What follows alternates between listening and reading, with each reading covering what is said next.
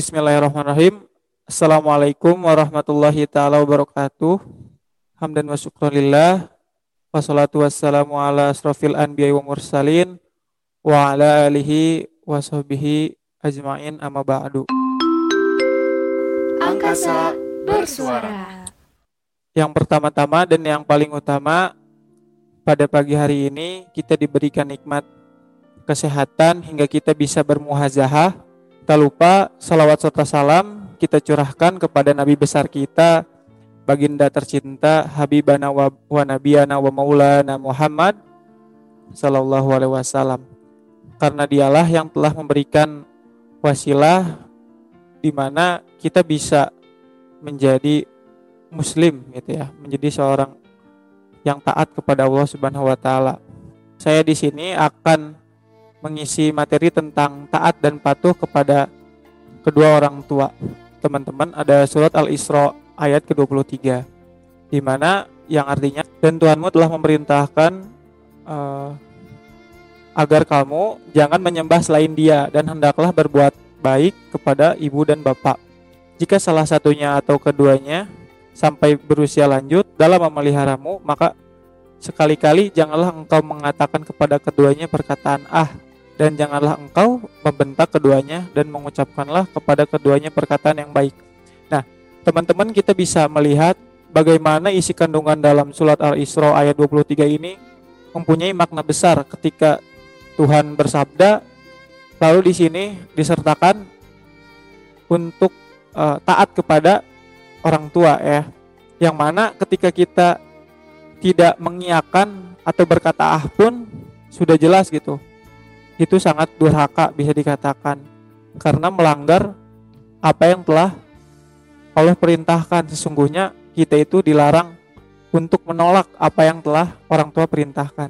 Banyak uh, surat-surat Al-Quran dengan ayatnya yang menyebutkan kita harus menurut kepada orang tua. Kita bisa lihat uh, di sini pun ada Rasulullah SAW mewanti-wanti kaum muslimin untuk berbakti kepada kedua orang tua. Mereka bersabda, dosa besar adalah mempersekutukan Allah, durhaka kepada orang tua, membunuh manusia dan bersaksi palsu. Hadis riwayat Bukhari. Nah, teman-teman bisa lihat urgensi di sini, keutamaan di sini dalam hadis yang telah dirawikan oleh Bukhari, kita bisa melihat bahwasannya durhaka kepada orang tua itu termasuk dengan dosa besar. Jadi teman-teman semua dari dikatakan dalam surat Al-Isra ayat 32 ketika kalian tidak mengiyakan apa yang orang tua kalian suruh gitu ya. Contohnya ketika kalian disuruh untuk belajar gitu ya, ketika ada KBM di SMA Angkasa kalian menolaknya. Itu kalian malas-malasan bahkan menolak gitu kan. Itu termasuk dosa besar karena kalian tidak mengiyakan apa yang orang tua kehendaki sehingga itu menjadikan orang tua bersedih ya gitu kan atau bisa dibilang kecewa dengan kalian sehingga kalian harus berhati-hati gitu ya dengan sikap kalian terhadap kedua orang tua. Biru walidain, biru walidain itu seperti apa sih teman-teman gitu ya untuk menjadikan orang tua kalian itu mulia gitu untuk kalian lakukan. Nah, teman-teman di sini bisa melihat kalian harus menghormatinya, menyayanginya, menghargai dan merasa bangga dengan orang tua kita sendiri. Jangan sampai ketika kalian itu uh, tidak mempunyai rasa kasih sayang gitu ya, tidak berbiru walidain kepada kedua orang tua kalian gitu ya. Itu kan makanya jangankan kita menyakiti hatinya gitu kan, merendahkan orang tua. Kita menolak ajakan untuk uh, orang tua kita menolaknya dengan kata ah pun itu sangat berdosa sehingga teman-teman semua harusnya dan hendaknya kita bisa menuruti, menaati ya ketika orang tua itu uh, menyuruh dengan kebaikannya. Yang poin ketiganya tetap menaruh rasa hormat kepada orang tua. Tidak jarang teman-teman semua kita lihat uh, pada hari ini, pada waktu ini, pada detik ini banyak anak-anak yang durhaka kepada orang tuanya. Di sana tidak pernah gitu taat kepada orang tuanya, tidak berbakti kepada orang tuanya. Sehingga bisa dikatakan ketika orang tuanya meninggal itu bisa dikatakan tidak ada surga di dunia. Kenapa tidak ada surga? Karena ketika berbicara surga yang nyata itu adalah berbicara kedua orang tua gitu. Bagaimana kita menekuni kegiatan dengan maksimal ketika tanpa adanya orang tua itu sepertinya tidak akan maksimal dan tidak akan terpenuhi apa yang kita inginkan. Maka di situlah jangan pernah kita menyepelekan apa yang telah orang tua katakan. Jangan sampai ketika kalian pun ketika uh, keluarga kalian ataupun ayah dan ibu kalian jauh, tapi kalian lupa dengan hubungan silaturahminya gitu. Tetap menjaga silaturahmi karena silaturahmi itu bagaikan rezeki ya. Ketika kalian sering silaturahmi dengan siapa pun, itu akan membuka pintu rezeki kalian gitu. Nah, maka tak tak jarang ya teman-teman semua kita harus menyikapi dengan sabar ketika orang tua kita tidak sejalan dengan pemikiran kita, rasanya dengan kita seperti apa gitu ya. Contohnya ketika orang tua kalian ingin kalian kuliah di uh, jurusan A, tapi kalian tidak menyanggupinya, bahkan kalian ingin dengan jurusan yang berbeda dengan orang tua. Ya, kita harus menghormatinya, harus menghargainya, tapi berikan solusi yang baik gitu, sehingga orang tua itu bisa menerima. Jangan sampai ketika kita berbeda, tapi kita tidak sabar, bahkan melawannya. Itu sangat tidak dibenarkan sama sekali. Nih, ini fadilahnya ya, fadilah biru walidain atau keutamaan berbakti kepada orang tua. Insya Allah dimuliakan oleh Allah Subhanahu wa Ta'ala dalam hidupnya. Nah, insya Allah hidupnya berkah karena orang tuanya akan senantiasa mendoakan. Sabda Rasulullah, tiga macam doa pasti terkabul. Yang pertama doa orang tua kepada anaknya, yang kedua doa orang musafir, yang ketiga doa orang yang teraniaya. Nah, teman-teman bisa melihat fadilah dari tiga yang telah uh, dikatakan oleh hadis di sini, kita bisa melihat bahwa salah satu fadilah yang ada terkandung itu doa dari orang tua. Makanya ketika teman-teman semua dalam pandemik ini ketika kalian menghadapinya sangat uh, kurang stabil, kurang maksimal, kalian meminta doa kepada kedua orang tua kalian agar diberikan keberkahan dalam pembelajarannya, diberikan ilmu yang baik dan bermanfaat, diberikan wawasan sehingga ketika kalian menempuh pendidikan, menempuh pembelajaran pun kalian bisa uh, maksimal dalam apa yang telah disampaikan oleh guru-guru di sini gitu kan.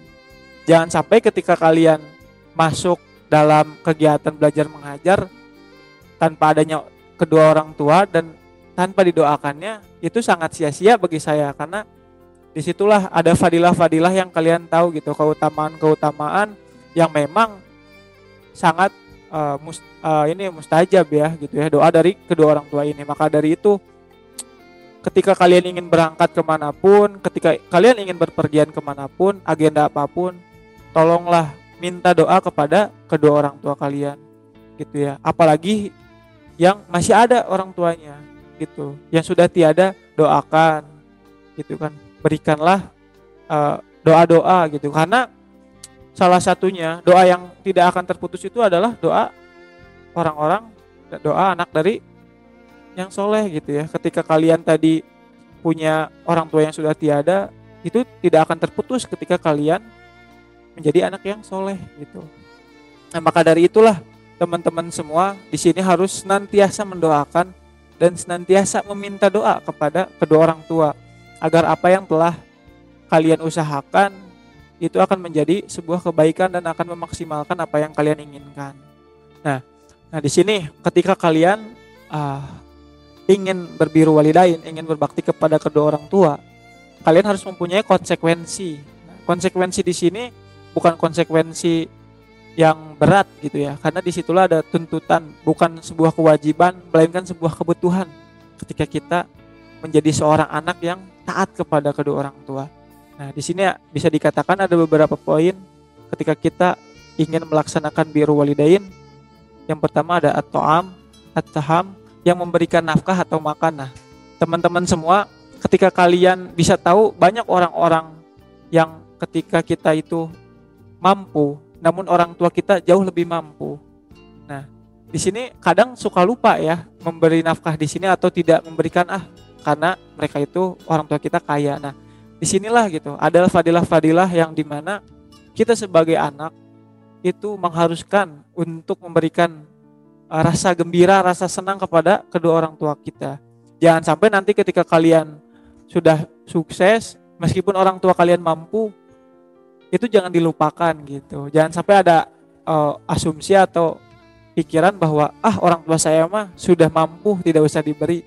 Nah, ini kebanyakan pada umumnya seperti ini. Nah, sehingga pemikiran-pemikiran itulah harus dihilangkan karena akan menghambat kita untuk biru walidain atau berbakti kepada kedua orang tua. Nah, yang kedua ada al malbas yaitu memberi pakaian. Nah, ketika kalian ingin berbiru walidain, tak lupa kita harus memberikan pakaiannya gitu ya.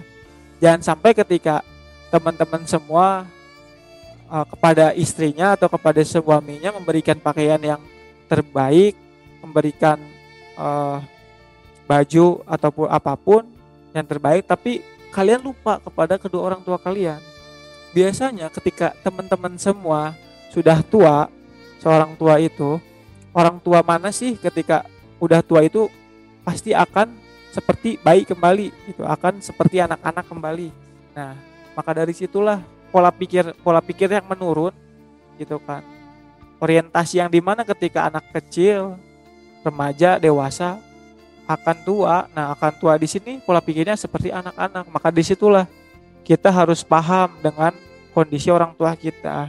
Jangan sampai ketika kita uh, memberikan hal yang baik kepada istri atau suami, tetapi kita tidak memberikan kepada kedua orang tua kita, itu sangat disalahkan ya, sangat disalahkan dan tidak dibenarkan.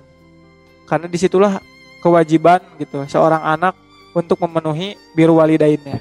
Lalu yang ketiga ada almaskan, yaitu memberi tempat berlindung. Nah, teman-teman semua, memberi tempat berlindung di sini tidak berartian memberi rumah gitu ya. Tergantung dengan uh, kita gitu, kebutuhan kita, kebutuhan kita juga dan kondisi kita seperti apa.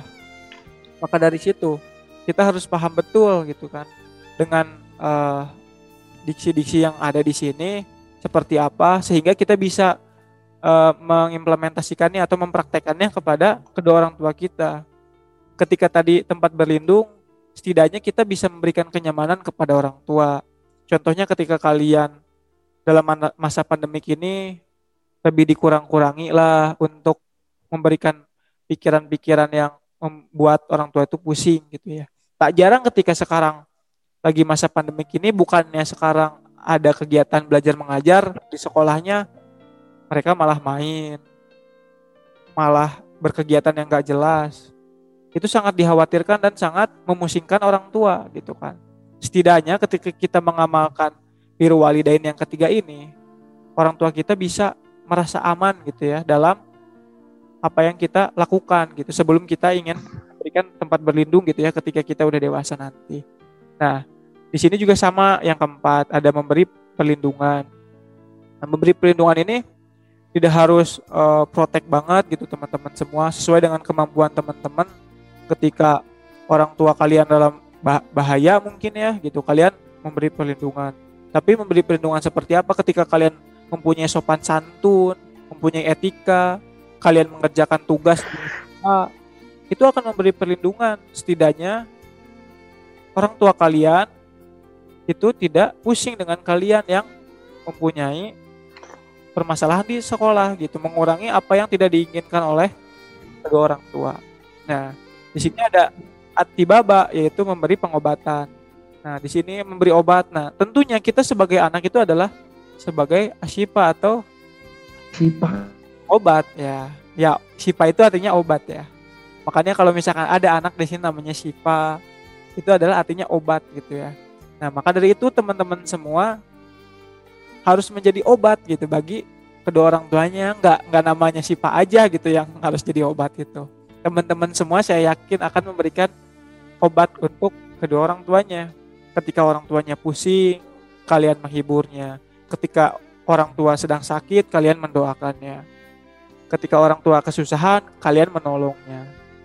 Gitu. Di situlah gitu nilai-nilai sebagai manusia yang memberikan kepada orang tuanya. Kita harus tahu bahwasannya keutamaan menghormati kan di sini ada konteks patuh dan taat ya. Makanya ketika orang tua memberikan uh, saran masukan entah itu orang tua kita di rumah atau orang tua kita di sekolah. Lebih baik kita dengarkan dahulu gitu ya. Gitu kan. Makanya ada ada pepatah ta'allamul adab qabla ta'allamul ilmu jadi ketika kita lebih baik menjadi orang yang beradab dulu lalu orang yang berilmu gitu kan. Tak jarang ketika kita melihat orang berilmu tapi dia tidak mempunyai adab etika gitu.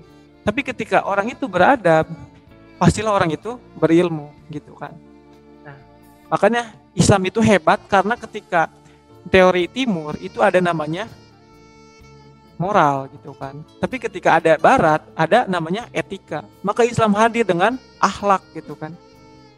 Ketika tadi etika di negara A, negara B itu sangat berbeda. Tapi ketika Islam hadir dengan akhlak, di mana pun tetap sama gitu. Ketika tidak boleh, tidak boleh. Maka dari itu, gitu. Jangankan kepada kedua orang tua kita, guru-guru kita, ke kepada orang yang lebih tua dari kita pun, kita harus menghormatinya, menghargainya. Mungkin seperti itu. Baru ketika mungkin tadi orang tuanya berkata oh, berikan arahan gitu kan keluarganya gitu ataukah gurunya yang lebih tua memberikan masukan kita dengarkan dulu meskipun mereka salah kita dengarkan orang tua kita sudah selesai berbicara baru kita jelaskan atau enggak di lain waktu ya yang tidak uh, terburu-buru dengan orang tua kita yang sudah atau baru saja beres gitu ya berbicara apa yang disampaikan gitu. Jadi bisa mengklarifikasi tapi kita harus tahu waktu juga gitu kan. Mungkin seperti itu ya. Kita lanjut lagi nanti uh, kita akan sesi tanya jawab lagi. Nah, ketika teman-teman di sini kita harus tahu gitu ya, rekam jejak kedua orang tua kita. Itu takutnya ketika sudah tua renta orang tua kita masih banyak banyak hutang lalu kita harus melunasinya Nah, di sini ada garis keturunannya, larangan menghina orang tua sendiri. Itu nggak boleh ya, apalagi teman-teman semua ketika teman-teman semua mengejek orang tua temennya lagi gitu kan di sekolah itu hmm. suka banyak lah siapa gitu kan kita bisa harus introspeksi diri gitu kan makanya kalau menghina orang tua teman sendiri berarti itu menghina orang tua kita sendiri gitu karena pasti teman yang dihina pasti menghina kembali kebanyakan seperti sholat jenazah jika orang tuanya wafat nah teman-teman semua harus mensolatkan gitu ketika orang tua kalian wafat. Ada juga awasiyah yaitu memenuhi wasiat kedua orang tua. Ketika kalian orang tua meninggal misalkan, ia memberikan wasiat. Nah, tolong ketika kalian sudah e, melihat bapak tiada, itu kalian harus menjadi lebih baik lagi. Harus taat, itu harus dilaksanakan gitu kan. Karena itu salah satu konsekuensi berbakti kepada kedua orang tua. Ketika kalian tidak melaksanakan, itu akan hilang gitu ya untuk biru walidain kita. Nah, yang terakhir adalah mendua, mendoakan kedua orang tua kita gitu. Di sini ada yang tidak tahu doa kedua orang tua. Wah, itu sangat disayangkan ya, jangan sampailah gitu ya. Dari anak PAUD juga sudah diajarkan ya mungkin ya. Jadi kan orang tua sebagai sahabat. Nah, teman-teman semua tidak jarang ketika kalian berkeluarga dengan orang tua di rumah, itu orang tua itu hanya dijadikan sebagai orang tua pada umumnya. Kalian tidak bisa sharing, tidak bisa mengobrol, canggung dengan orang tua. Itu coba kalian benahi komunikasinya gitu kan. Jangan sampai kalian itu nyaman gitu di lingkungan luar gitu kan. Main nongkrong gak jelas gitu kan. Coba kalian benahi jadikanlah orang tua itu sebagai indikator yang paling utama untuk kebahagiaan kalian gitu ya di mana pun Nah, yang pertama di sini jangan ada jarak di antara orang tua dan kita. Nah, ketika kalian um, di sini masih ada canggung-canggung, kita buka komunikasi gitu kan. Jangan sampai orang tua itu hanya dijadikan sebagai uh, sebagai minta uang gitu kayak ATM aja gitu. Jangan sampai kayak gitu gitu. Kita harus menghargainya, jadikan mereka sebagai sahabat, teman curhat gitu kan. Pelajari kebiasaan orang tua kita, gitu ya. Di sini konteksnya mungkin yang baik ya gitu kan. Kebiasaan yang baik ketika orang tua kalian sering ibadah dengan taat kalian ikuti. Di situlah gitu ada fadilah-fadilah yang memang kita harus ketahui dan kita harus pahami. Sehingga kita bisa melaksanakan apa yang Allah perintahkan untuk berbiru walidain kepada kedua orang tua kita. Lalu yang ketiga, belajar mengalah demi mencapai kemenangan. Gitu. Kemenangan dalam artian di sini tetap terjalin silaturahmi. Gitu kan. Tidak selamanya kekalahan itu adalah sebuah kegagalan gitu. Tapi kekalahan di sini menjadikan kalian sebagai pemenang. Gitu. Maka di situlah, apalagi kita sebagai kedua orang tua gitu ya, kedua orang tua yang nantinya ke depannya kita akan mempunyai seorang anak. Makanya kita harus memahami dulu gitu ya sebagai anak. Makanya kita akan dipahami ketika nanti kita sebagai orang tua. Kan pusing ketika kalian teman-teman semua udah jadi orang tua gitu boga anak teh balader gitu kan ya gitu ulin we tiap poe kan pusing gitu kan gitu kan. Main Mobile Legend we setiap hari kan. Gitu kan. Lah gitu ya. Nggak jadi masalah kalau main game asal tahu waktu. Yang keempat ada berani jujur untuk mengungkapkan keinginan kita. Nah teman-teman semua ketika kalian tuh apa ingin motor misalkan itu ungkapkan gitu kan. Ungkap ungkapkan saja tapi sesuai dengan kondisi. Jangan sampai kondisinya tidak baik kalian ungkapkan gitu. Takutnya dikhawatirkan akan mempengaruhi pikiran kedua orang tua kalian. Pusing nanti ke depannya. Memikirkan keinginan kalian. Kan pusing misalkan kalian minta mobil kaya gitu. S5 mungkin ya yang lagi rame. Tapi uh, tidak sesuai dengan kondisi. Itu sangat disayangkan nantinya. Jika kalian berselisih dengan orang tua nih kita bisa lihat ya sabar dalam menghadapi orang tua. Nah sama halnya ketika tadi teman-teman semua ditanyakan kalau misalkan tadi dimarahin kita jangan langsung lawan kita diamkan kita dengarkan dulu baru kita mengklarifikasi. Itu hal yang wajar ketika kita berkeluarga ya gitu. Jadi jangan sampai orang tua ngomong kita ngomong gitu ya. Jadi sama artian ketika api sudah besar kita tambah apinya makin aja gitu kan tak jarang orang tua nanti lebih kesal lagi lebih pusing lagi sehingga teman-teman semua bingung dalam artian sini tidak solusinya tidak baik lah gitu ketika kalian dimarahi kalian ingin menambahkan kemarahan orang tua juga ketika kalian berbicara gitu Lalu yang kedua ada dahulukan keinginan orang tua gitu. Asal bukan hal yang agama gitu ya. Ketika hal dalam agama itu di sini sangat bisa dilihat gitu bahwasannya ketika keinginan orang tua kalian ingin jadi pemain sepak bola mungkin ingin menjadi pemain basket, ingin halnya sesuatu itu tidak jadi masalah ketika itu dalam hal yang positif. Ya, teman-teman bisa melihat dan bisa merasakan. Mungkin ada uh, ungkapan di salah satu jurnal yang telah dibaca bahwa orang tuanya menginginkan anaknya menjadi seorang gamers. Itu ada sampai dia putus sekolah dan menjadi atlet gamers gitu. Itu dipenuhi oleh anaknya. Itu tidak disalahkan gitu karena itu adalah keinginan orang tuanya. Tetapi ya mana ada jarang lah orang tua yang seperti itu gitu kan. Nah yang ketiga jagalah bahasa tubuhmu saat berkomunikasi dengan orang tua. Nah kita bisa melihat kita harus adanya tata krama, sopan santun kepada kedua orang tua. Jangan sampai menyakiti hati orang tua gitu. Dengan sikap kita, dengan mimik wajah kita gitu kan, dengan perilaku kita. Nah, lalu yang keempat ada siapkan saran bukan permintaan. Nah, kalian ketika oh, di sini pengennya beli apa yang kita inginkan aja gitu. Tapi kita juga harus memberikan saran dengan keluarga itu seperti apa dan bagaimana sehingga akan tumbuh harmonis dalam kekeluargaan seperti itu dan yang terakhir ada andai harus bicara pastikan tidak kasar sampaikan dengan terang dan ringkas gitu tidak sebenarnya tidak jadi masalah ketika tadi nggak ringkas juga tapi bagaimana kita bisa memberikan kebaikan kepada orang tua itu lembah lembut dengan tutur kata Jangan sampai suara kita itu lebih tinggi dari suara orang tua. Itu sangat tidak diperbolehkan dan tidak dibenarkan. Agar kalian itu di rumah tuh betah juga ya. Enggak sam jangan sampai ketika kalian di rumah menjadikan rumah itu sebagai tempat untuk kalian istirahat saja gitu. Jadi disampaikan untuk tempat berlindung dan sebagainya. Nah, di situlah gitu. Sekarang kan sudah zamannya uh, zamannya milenial ya, gitu. Bisa dikatakan 4.0 gitu ya, zamannya milenial.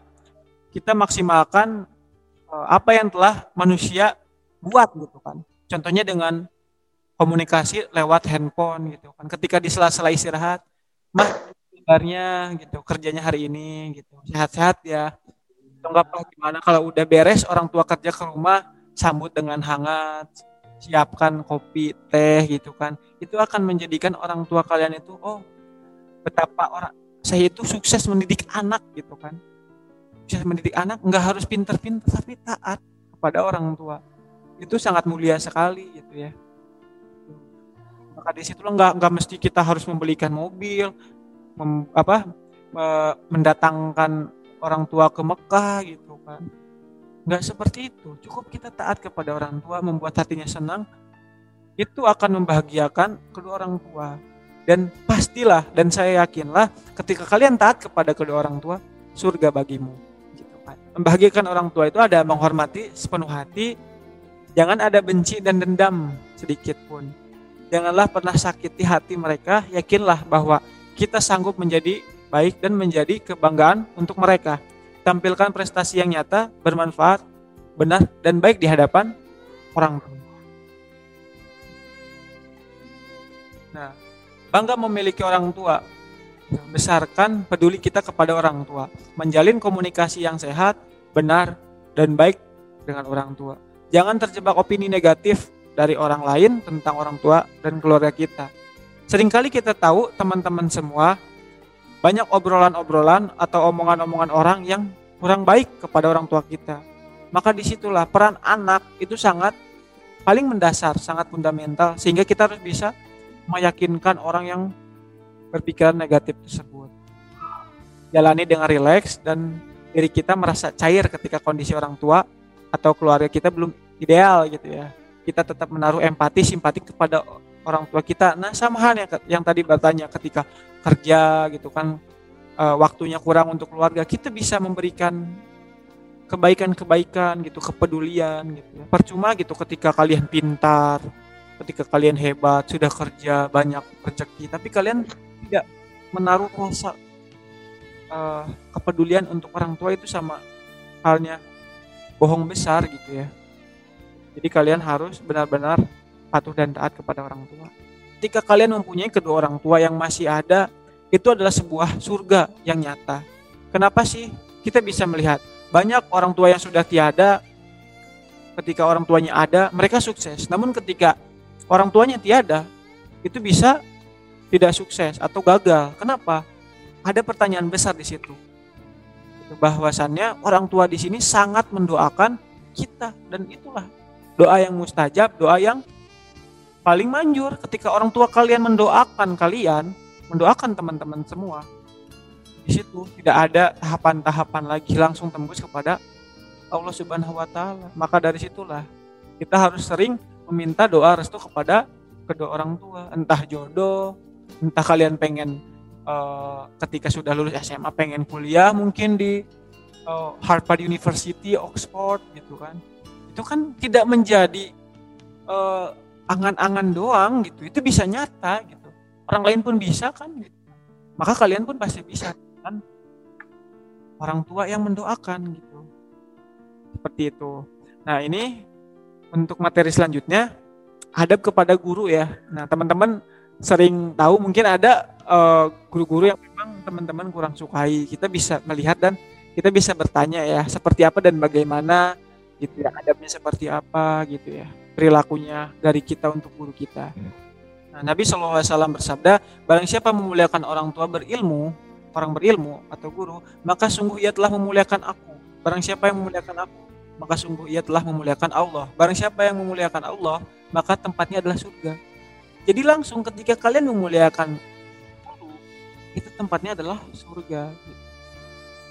Namun dalam arti di sini, jangan sampai ketika kita hanya memuliakan guru sekedar guru gitu ya udah di kelas di sekolah doang gitu kalau di luar mah nggak tahu siapalah gitu jangan sampai hal seperti itu ketika kalian berpapasan pun dengan uh, siapa pun dengan Pak Rahmat mungkin ya kalian harus menyapanya gitu meskipun kalian tuh dari jauh seperti apa. Mungkin seperti itu ya. Nah, di sini kita bisa lihat makna seorang guru. Teman-teman semua, guru adalah orang yang memberikan pengetahuan sekaligus pendidik akhlak para muridnya. Nah, jadi teman-teman semua jangan sampai ada istilah ketika kalian itu jadi seorang murid, ah ya udahlah guru mah hanya memberikan ilmu doang gitu. Itu salah teman-teman semua. Itu guru itu bagaimana kita bisa menjadikan kalian itu menjadi generasi lebih baik lagi gitu. Makanya orang yang hebat bukan orang yang dirinya itu diakui oleh banyak orang. Tapi orang hebat itu adalah orang yang bisa mendidik gitu ya. Anak atau muridnya bisa lebih hebat daripada dirinya. Itu adalah orang yang sukses. Itu adalah guru yang hebat gitu. Ketika gurunya hebat misalkan di sini uh, matematikanya, kimianya, mungkin agamanya, tapi muridnya nggak bisa, itu bukan hebat. Tapi ketika guru itu hebat, itu kalian bisa jauh lebih hebat daripada gurunya gitu muridnya itu nah, di situ lalu ada guru yang mengajarkan apa yang mungkin tidak diajarkan orang tua kepada muridnya sehingga sering juga guru disebut orang tua kedua bagi murid-muridnya. Nah maka dari itulah gitu ya guru itu bisa dikatakan orang tua kedua gitu. ketika kalian ada masalah mungkin uh, kurang ideal ya di rumahnya gitu sama orang tuanya kurang harmonis bisa dikatakan guru adalah orang tuanya. Curhatlah dikasih solusi lah. Maka dari situlah gitu kita harus bisa uh, menghargai seorang guru karena guru itu merupakan sebuah orang tua bagi kita yang kedua. Nah, dalam Islam guru atau ulama adalah orang yang memiliki pengetahuan luas dibandingkan orang lain. Dia merupakan pewaris para nabi itu kan dalam penyampaian kebaikan kepada orang lain. Di situlah adalah fadilah-fadilah seorang guru.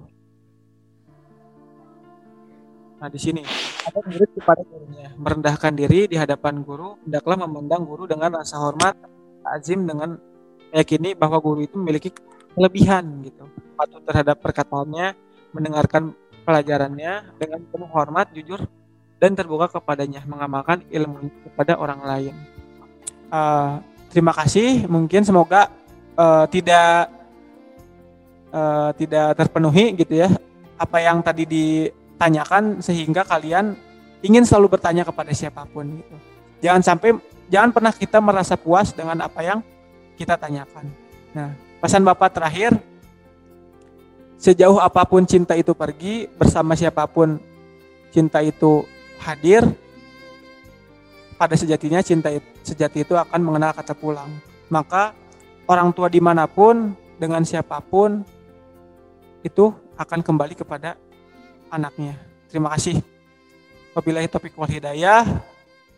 Wassalamualaikum warahmatullahi taala wabarakatuh.